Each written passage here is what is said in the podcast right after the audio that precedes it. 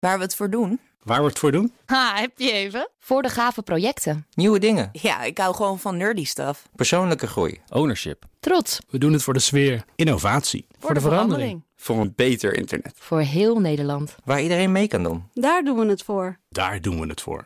Waar doe jij het voor? Kom werken voor KPN en groei op jouw manier. Check de actuele vacatures op het gebied van data, security, development en networking op jobs.kpn.com/tech. Wetenschap vandaag. Zelfs in de meest afgelegen en onaangetaste stukken van het Amazonegebied veranderen vogels van vorm door klimaatverandering. Veranderen vogels van vorm? Ja, en daar gaan we het over hebben met wetenschapsredacteur Carlijn Meiders, die in de studio is. Goedemiddag, Carlijn. Goedemiddag. Zelfs daar, um, oftewel, dat betekent dat het op andere plekken ook al gebeurt, hè? Ja, dat is zeker waar. Het is niet de enige plek waar vogels van vorm veranderen door veranderingen in het klimaat. En wie vaker naar Wetenschap vandaag luistert, weet misschien wel wie ik als eerste belde toen ik dit onderzoek voorbij zag komen, namelijk Jan van Geels van het Nieuws. Zelf werk ik aan arctisch broedende vogels. Die broeden in het hoge noorden. En het hoge noorden staat erom bekend eh, dat de aarde daar drie keer zo snel opwarmt als de rest van de wereld. Maar dus die tropen, zoals het Amazonegebied, ja, is een nog steeds relatief stabiel klimaatgebied. Maar zelfs daar vindt er dus een enorme verandering plaats in die vogels. Ook Van Geels was best verrast door dit onderzoek. Maar zelf heeft hij eerder bij kanoeten vergelijkbare veranderingen gezien. Wat ik in mijn arctische vogels zie en wat deze mensen in die tropische vogels zien, is dat ze kleiner worden. Alle 77 soorten waar deze mensen naar hebben gekeken, zijn lichter geworden. Lichter van gewicht, kleiner in structurele mate. En, en dat zie ik ook in mijn arctisch broedende vogels. Dat was laatst ook een andere studie aan trekvogels in Noord-Amerika. Dus we zien nu eigenlijk, zou je kunnen zeggen, in drie onafhankelijke studies dat vogels, kunnen we echt met zekerheid stellen, die worden kleiner. Ja, en sorry hoor, Carlijn, voor deze misschien wat onwetenschappelijke vraag in deze Ja. prachtige rubriek. Maar dan zien ze er wat anders uit. So what? Ja. eh, zo, simpel, zo simpel is het helaas niet. Je zou zelfs nog kunnen denken, dat snap ik wel, eh, ze passen zich aan. Dat is Ja. juist een goed teken. Eh, maar Van Geels vertelt dat het wel degelijk negatieve gevolgen heeft. Ik denk dat het heel erg is. Kijk, daar is in deze studie niet naar gekeken, naar de overleving van die vogels. Maar als ik het doortrek naar mijn eigen studie aan die arctisch broedende watvogels, en dan met name de kanoet, daar hebben wij dus wel ook de combinatie van eh, lichaamsgrootte die krimpt kunnen meten in combinatie met de effecten op de overleving van de vogels.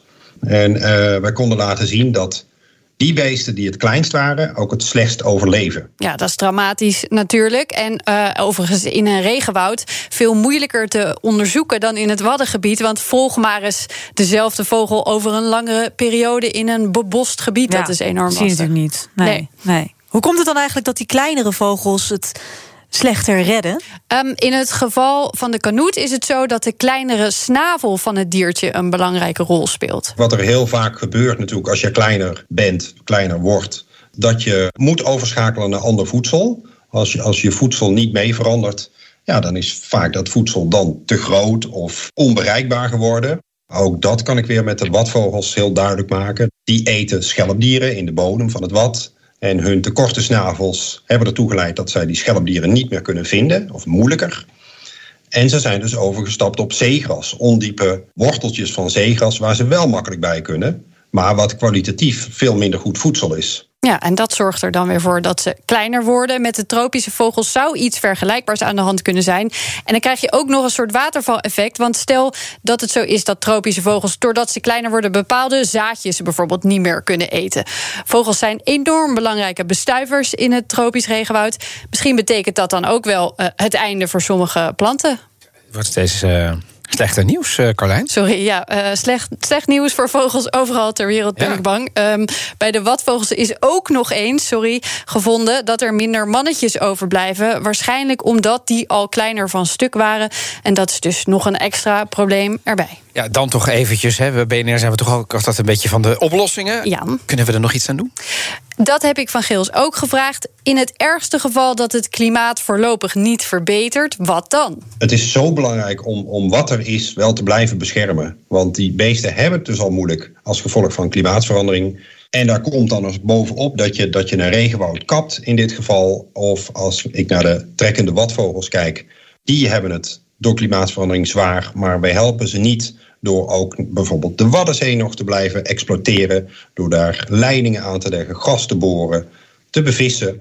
Dus juist plekken te beschermen en, en op die manier ze weerbaardig te maken tegen klimaatverandering. Te mitigeren, zoals we dat met een duur woord noemen, om, om beesten te helpen deze klimaatverandering door te komen. Duidelijke boodschap van Jan van Gils van het Nieuws.